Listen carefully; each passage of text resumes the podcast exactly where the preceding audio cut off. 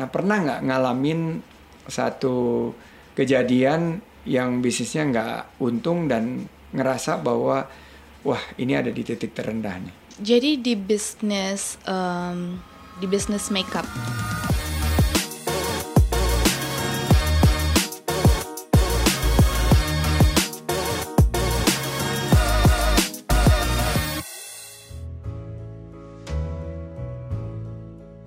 Oke, Nikita, Willy.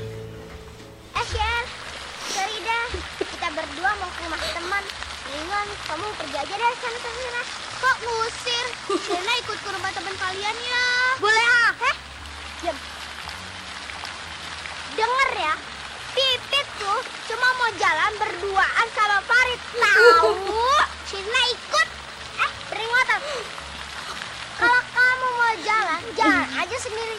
Mau ke rumah Suniyam kek, mau ke Citayam kek, jalan aja sendiri. Sana sana udah pergi ah. Dikit gitu. Iya deh, Shena pergi sendiri. Dan Farid. Mwah. Udah sana. Dadah Serina. Eh. Seru banget. Welcome to the show. Thank you, Pak. Niki, ini tahun berapa ini ya? Umur 9 tahun. Ini pertama kalinya mungkin pertama kalinya juga untuk Ini Bapak eh, pertama sinetron pertama. Iya, melihat peri kecil tangannya tapi kayak tukang pukul loh. tangannya gede banget untuk anak seumuran itu. Itu kayaknya udah nge-gym. Dia ya udah nge-gym dari Udah kecil ternyata ya. Ini sinetron pertama aku. Sinetron pertama ya. Berarti waktu itu syutingnya mesti diatur-atur sama sekolah gitu ya. Masih, jadi aku selesai sekolah itu kan jam 2 siang habis itu syuting. Hmm. Tapi karena zaman dulu kan eh, tayangnya tuh seminggu sekali, jadi nggak seperti sekarang. Oh nggak sekarang, Jadi ngawur ya sekarang ya. Kalau sekarang kan tayangnya setiap hari, Hmm. walaupun selesainya jam 12 malam. Kalau zaman dulu paling kayak cuma 3 jam, 4 jam selesai. Oh, jadi ini gitu. nggak ganggu sekolah. Nggak, nggak ya. ganggu sama sekali. Seru banget deh kayaknya. Happy banget nggak waktu itu? Ini pertama kali aku jatuh cinta sama sinetron dan aku selalu minta sama mamaku untuk main sinetron lagi. Oh. Karena bisa dilihat pemainnya anak kecil semua, seumuran semua, jadi kayak playground buat aku. Ini Sherina ya. Namanya Sherina. dengan ini bicep sama tricep dari gym. Ratu sinetron Nikita Willy. Oh. Udah berapa sinetron total? 20-an something sih. 20-an something. Paling berkesan yang mana? Semuanya buat aku berkesan. Semua Karena berkesan. memang setiap sinetron yang aku pilih dari dulu itu selalu beda-beda karakternya. Hmm. Gitu dan pasti setiap sinetron tuh beda juga kan experience-nya. Dari dulu aku juga nggak pernah belajar acting, aku jadi belajar di lokasi sama senior, sama director gitu. Jadi buat aku semuanya berkesan. Berarti ada satu kecintaan ya kepada profesi betul. ini dan kalau lihat dari segi acting itu apa? Keistimewaan what's so special about acting yang bisa ngiket terus? nggak tahu ya. Jadi kayak dari dulu aku berakting tuh merasa kalau acting itu adalah my second house gitu my second home. Jadi kalau misalkan aku berada di lokasi berada di tengah-tengah pemain lain dan kru aku merasa kayak I'm home gitu. Dan aku bisa menjadi diri aku sendiri bisa experience menjadi orang lain dalam acting itu. Jadi kayak kalau ditanya eh, kenapa kamu terus-terusan mau main sinetron atau mau main film itu capek sebenarnya. Cuma aku selalu balik lagi balik lagi karena itu my second home gitu. Jadi doing what you love and loving what you do. betul. Jadi nggak ngerasa capek ya, tapi ngerasa karena capek. ngerasa ini sebagai suatu passion, jadi enjoy aja betul. ngerjainnya. dan dari dulu sampai sekarang aku nggak tahu honor aku berapa. Jadi memang bener-bener kayak aku ngelakuinnya karena memang aku cinta dengan dunia ini. Banyak banget dapat penghargaan kan, mulai dari Panasonic Awards dan lain sebagainya. Awards itu buat Niki apa? Satu special meaning nggak? Setiap aku mendapatkan penghargaan menjadi aktris terfavorit itu merupakan apa ya? tanggung jawab yang baru buat aku. Bagaimana aku bisa memaintain semua ini gitu. Bagaimana bagaimana aku bisa menuju dan mendapatkan penghargaan itu tapi gimana lagi caranya supaya aku bisa tetap bertahan di situ. Jadi apresiasi ini bahwa ini adalah satu pencapaian dan bagaimana uh, menyikapi dan sebuah tanggung jawab justru ya. Betul. Untuk memberikan yang lebih baik Betul. lagi ke depan. Hmm. Karena memang sudah diberi predikat seperti itu, gimana caranya supaya kita bisa lebih dan lebih lagi. Jadi itu sebetulnya konsepnya mirip kayak continuous improvement program sih di Iya, bisnis. Bahwa kita udah nyampe titik ini, gimana cara ke depannya kita harus menempa diri lagi, berinovasi untuk capaian yang lebih Iya. tinggi lagi. Dan yang paling menarik sih sebetulnya, Niki itu mulai bisnis umur 15 tahun. So early. Orang 15 tahun kan biasanya lagi asik-asiknya nongkrong di kafe dan lain sebagainya, tapi Niki malah mulai bisnis. Gimana ceritanya awalnya? Jadi kan aku sudah mulai berkarir dari umur 8 tahun dari iklan, 9 tahun sinetron. Terus continue sampai umur 15 tahun itu lagi banyak uang tuh pribadi Oh, lagi jadi hasil lagi- sinetron lagi, ini uh-uh. ditabung. Betul. Mamaku bilang kamu mau diapain nih uangnya? Akhirnya aku bilang sama mamaku kalau aku pengen punya properti sendiri. Akhirnya aku beli satu apartemen buat Hmm. Oke. aku pribadi. Tapi karena itu masih umur 15 tahun jadi nggak boleh tinggal sendiri. Jadi sama mamaku disewa-sewain ke orang. Terus mamaku bilang kayak Dapat "Kamu- income." Kamu tahu nggak ini dapat income loh gitu. Terus aku bilang kayak oke I, I will work harder. Cuma kita beliin properti-properti yang lain gitu. Jadi coba dari beli apartemen satu lagi, beli apartemen satu lagi. Terus ada rezeki lebih kita beliin tanah dan kita bikin cluster dan dari situ juga dapat uang sebagai bisnis properti dan sampai sekarang.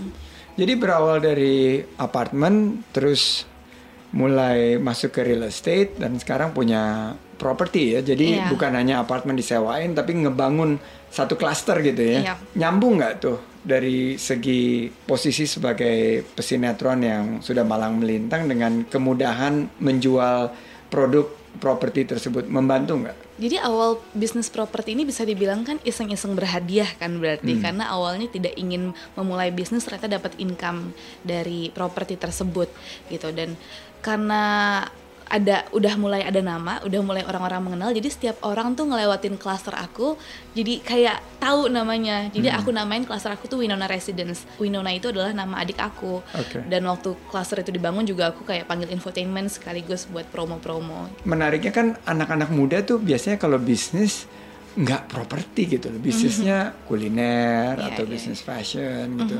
Bisa terjun ke bisnis properti yang mengalir aja waktu itu pernah ada pemikiran nggak? Waduh gimana kalau rugi gitu? nggak ada sih dulu kayak ya udahlah asal beli beli buat investment aja terus kita jual lagi atau kita sewain lagi gitu jadi nggak ada berpikir buat kalau rugi gimana jadi Kalau nggak laku ya udah ya udah aja. buat investasi aja Buat gitu. investasi. dan alhamdulillah kan kalau tanah kayaknya harganya selalu naik dan naik Nah, gitu satu hal nih buat para pemirsa podcast Ruang Sandi Mhm. yang tidak diciptakan lagi adalah tanah. iya Dan betul tanah itu ya harganya paling nggak nggak turun di tengah pandemi Iya. ini dan selalu memberikan nilai apresiasi yang Mhm. cukup tinggi. Mimpinya apa nih kalau di sektor properti? ya mudah-mudahan bisa ada rezeki lebih lagi jadi bisa bisa eh, membeli properti-properti yang lain atau tanah yang lain dan kita bisa buat klaster yang baru lagi dan mudah-mudahan bisa belajar dan mengembangkan bisnis ini. Nah, saya ingin berbagi juga Iya. nih kepada pemirsa podcast Ruang Sandi belajar dari Niki di bisnis properti ini kita harus punya satu konsep.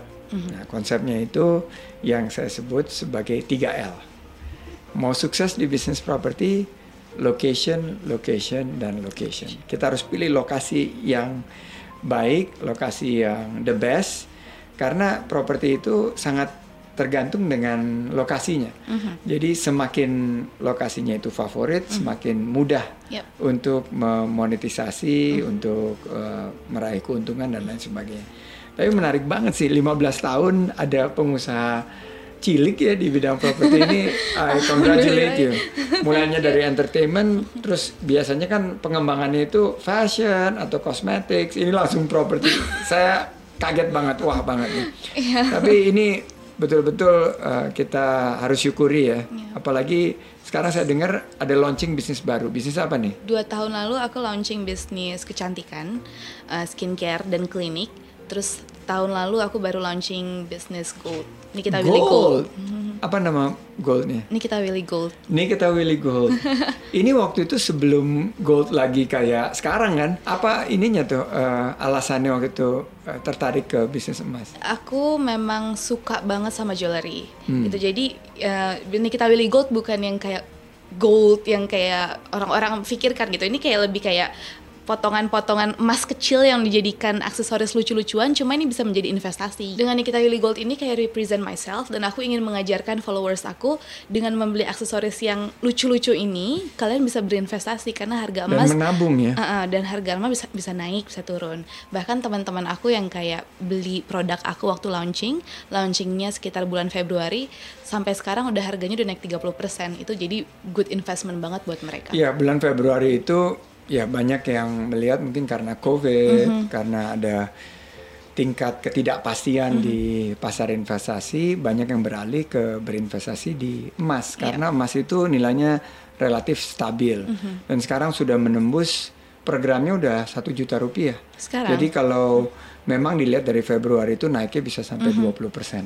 Nah, untuk para pemirsa podcast Ruang Sandi ini, keunikan Nikita Willy Gold itu apa? dari desain ini represent myself banget karena jadi kita ada lima kategori kategori pertama kayak sinetron favorit aku karakter favorit aku di sinetron terus makanan favorit aku eh, travel destination favorit aku yang itu kita jadikan dan kita desain sebagai jewelry dan untuk dijual kepada orang-orang yang ingin membeli Nikita Willy Gold Ada nggak saran dari segi investasi ya? Mhm. Berinvestasi di emas itu maknanya atau hikmahnya buat Niki itu apa? Pertama, kita sebagai perempuan pasti pengen banget mempunyai aksesoris yang lucu-lucu, yang cantik, sebagai fashion juga. Hmm. Cuma dengan kita Willy Gold ini aku juga pengen kayak soalnya pembeli pembelinya tuh millennials gitu pak, Hmm. gitu. Jadi aku seneng banget teman-teman aku tuh sekarang bisa membeli emas sebagai fashion, tapi ternyata mereka nabung juga gitu. Oke. Tapi ingat kita harus membeli di toko emas yang memang transparan gitu. Jadi mereka memang transparan mengenai harga emas lagi naik turunnya gitu. Kadang-kadang ada toko emas yang jahil, jadi kayak Iya. kasihan banget pembelinya. Sebetulnya harga emas tuh dipublish kok tiap Iya, hari, uh-uh. tiap hari ada bisa cek di hampir semua, apalagi sekarang kita udah ada internet Yap, ya, udah ada social media, hampir semua kayak Antam gitu udah mempublish harga emas hariannya dan menurut saya bisnis eh, emas ini ya, apalagi saya berinvestasi di tambang emas bahwa kegunaannya bukan hanya untuk ya untuk perhiasan sudah pasti, tapi emas itu kegunaannya juga untuk produk-produk elektronik dan sebagai standar eh, keuangan internasional itu masih sangat dipakai ya. Nah pernah nggak ngalamin satu kejadian yang bisnisnya nggak untung dan ngerasa bahwa wah ini ada di titik terendah nih. Jadi di bisnis em, di bisnis makeup. Makeup ya. Jadi aku kan ada Dreamy Group. gitu. Jadi di Dreamy itu ada kliniknya, ada skincare-nya dan ada makeupnya. Cuma makeup ini tidak begitu jalan sebagus skincare dan klinik gitu. Jadi mungkin karena aku pribadi tidak terlalu suka makeup kali ya gitu. Jadi kayak aku lebih promosinya tuh kayak si skincare ini, si klinik ini gitu. Cuma kayak orang marketing aku bilang kamu harus memang bener-bener mempunyai produk yang memang kamu sukai gitu dan memang kamu pakai sehari-hari. Jadi setelah kita ubah formulanya dan ubah warna-warnanya yang memang setiap hari aku pakai, alhamdulillah kayak getting better gitu. Ya bisnis kan kayak roda berputar ya, sekali di atas, sekali Ya. di bawah. Sekarang ada di tiga pilar utama kan di emas, di properti, sama di Beauty, beauty. Ini yang paling dekat dengan hatinya Niki yang mana? beauty. Yang beauty ya, yang sehari-hari dipakai ya. Niki, saya pengen ngajak Niki untuk main game, so it's game time. Karena Niki kan udah sangat jago buat menjadi bintang iklan di mana saja sudah lebih dari 30 iklan berdasarkan tim research yang sudah dibintangi oleh Niki. Sekarang gamesnya ini ada hubungannya dengan iklan. Oke. Jadi commercial dan seperti biasa saya juga ikutan main. Jadi gini, di depan kita ini ada kotak. Yap. Nah ini kotaknya. Kotak ini berisikan benda-benda. Nah dari benda-benda ini kita harus buat promosi. Are you ready? Oke, ready. Kita switch dulu. Oke. Coba oke. Oke. Aku Kalah dulu. aku ya. Berarti berarti aku dulu berarti ya. Waduh. Oke. Saya akan bikin kalimat cermin OKOC. Cermin OKOC ini akan memastikan muka kita lebih terasa kurus Oke. dan kulit kita semakin putih. Cermin OKOC, kece banget. Oke nggak? Oke. Oke, lihat kamera. Sekarang Niki. Tidak perlu aplikasi. Oke. Lakban hijau bisa menutupi hati kamu yang sedang sakit hati dan menggantinya dengan cinta yang baru. Belilah lakban hijau. Gila lakban hijau menutup sakit hati lagi. Oke, saya Oke. berikutnya.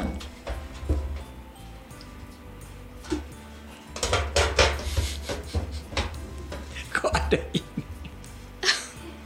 Tang Uno. Tang yang mampu mencabut segalanya. Tang ini juga bisa dipakai dokter gigi untuk mencabut gigi. Kalau lagi pusing, ingat Tang Uno. Oke.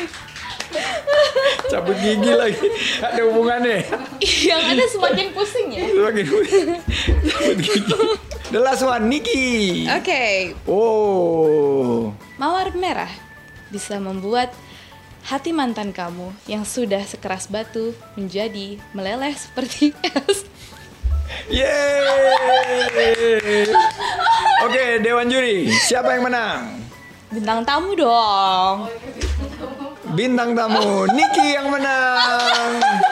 Niki menang dengan lakban hijau Dan mawar daun mawar merah ya dua-duanya nggak nyambung sih Iya, sebetulnya tapi ya karena kita menghormati tamu ya oke kita ngobrol lagi dan sekarang kita mau ngomongin tentang hidup ada nggak Niki momen yang menjadi titik balik untuk jadi pribadi yang lebih utuh dan lebih baik momen itu bener-bener aku rasain ketika papaku nggak ada.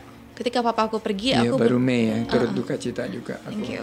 Aku benar-benar ngerasain kayak, oke, I had fun, I had fun with my life. Sekarang waktunya aku untuk mencari um, hal yang bisa membuat aku menjadi lebih baik lagi, menjadi menjadi jati diri aku yang sebenarnya gitu, yang jadi lebih baik lagi. Jadi waktu momen papa nggak ada Mhm. itu tiba-tiba ada satu seperti kayak light bulb moment gitu ya, bahwa I need to Iya. shape my life to be better gitu. Pertama aku search gitu di Google bagaimana caranya kita menolong orang tua kita di sana gitu. Hmm. Dan aku inget banget kata-katanya adalah doa anak soleha bisa menolong orang tua di sana gitu. Jadi akhirnya aku mencari guru, aku bilang sama guru aku kalau aku pengen banget menjadi anak yang soleha gitu. Akhirnya ya udah diajarin pelan-pelan gitu dan aku pun pribadi juga merubah diri aku untuk yang insya Allah bisa lebih baik lagi. Ya selain daripada doa anak yang soleh atau soleha, tentunya adalah amal perbuatannya, ilmu yang dibagikan oleh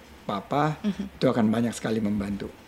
Nah ada nggak sih prinsip hidup papa yang selalu Niki ingat dan menjadikan landasan dan referensi? Papaku selalu ngajarin aku untuk rendah hati. Papaku selalu ngajarin aku untuk kita bisa bekerja menjadi apa pun nggak perlu malu gitu. Yang penting itu halal gitu. Jadi jangan jangan takut dan jangan merasa malu kalau kita melakukan hal-hal yang benar gitu untuk diri kita sendiri dan orang lain.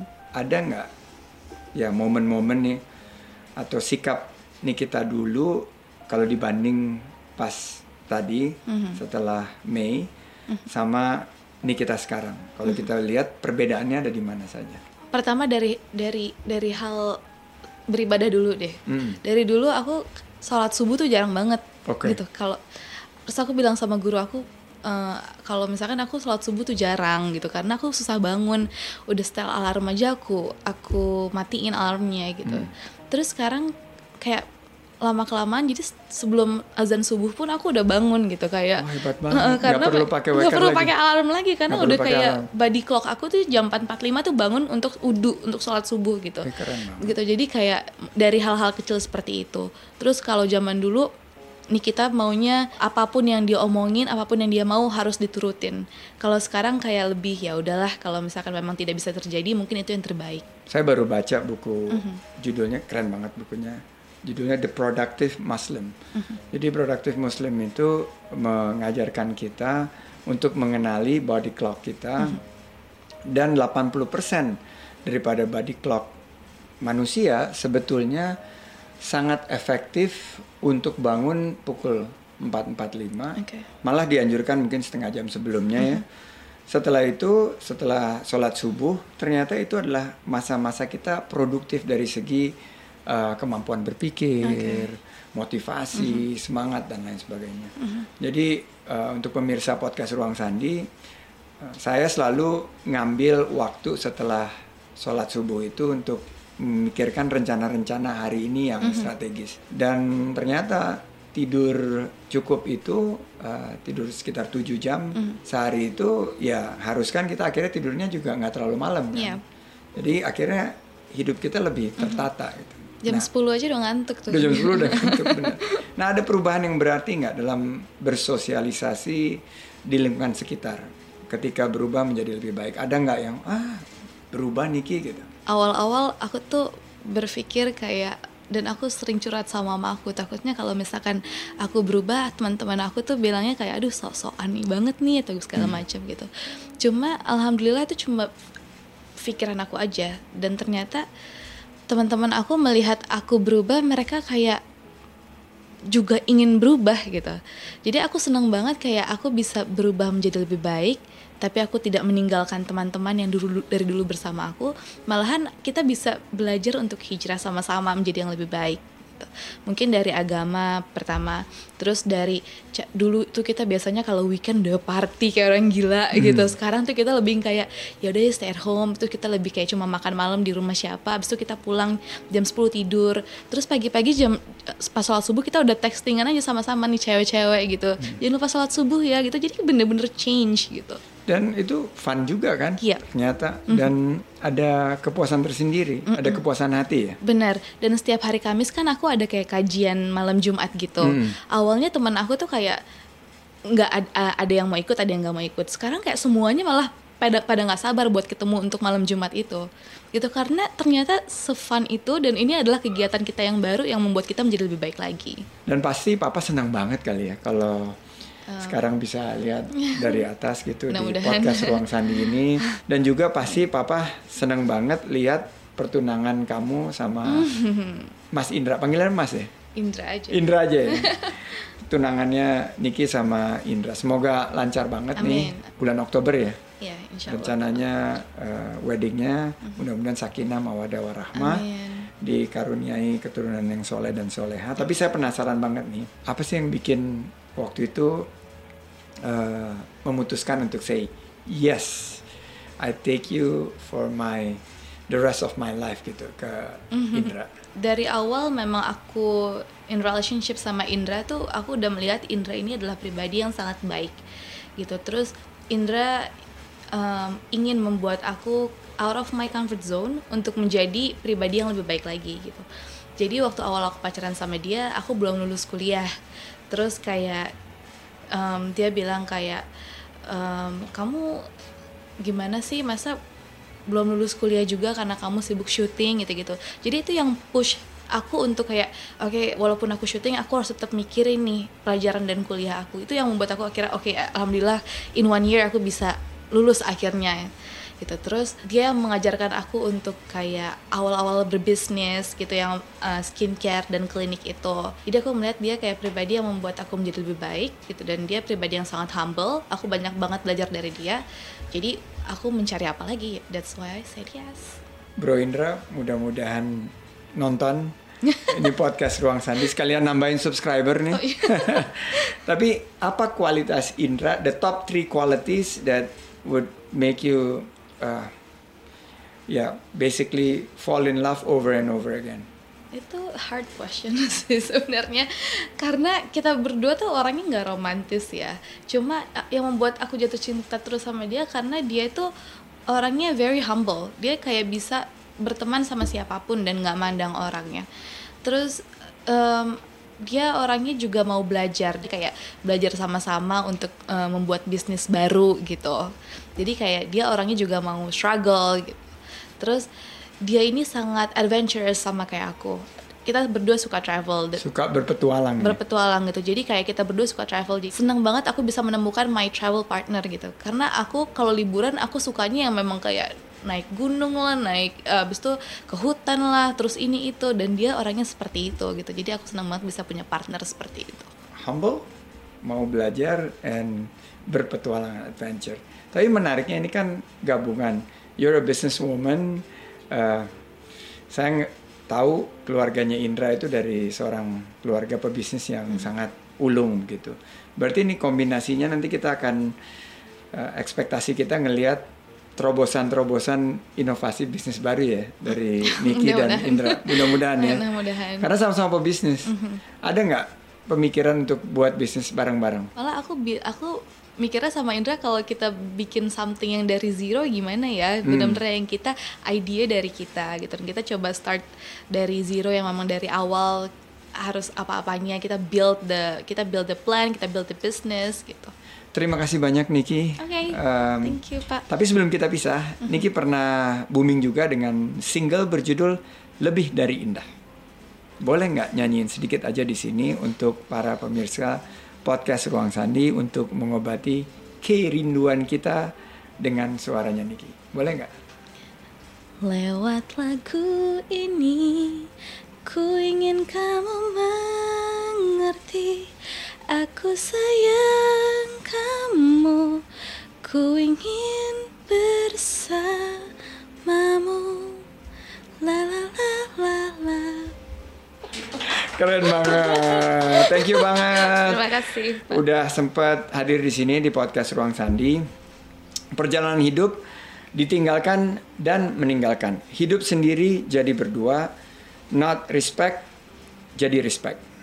Mau tidak mau, suka tidak suka akan kita alami. Pertanyaannya, siapkah selalu kita untuk menghadapi perubahan?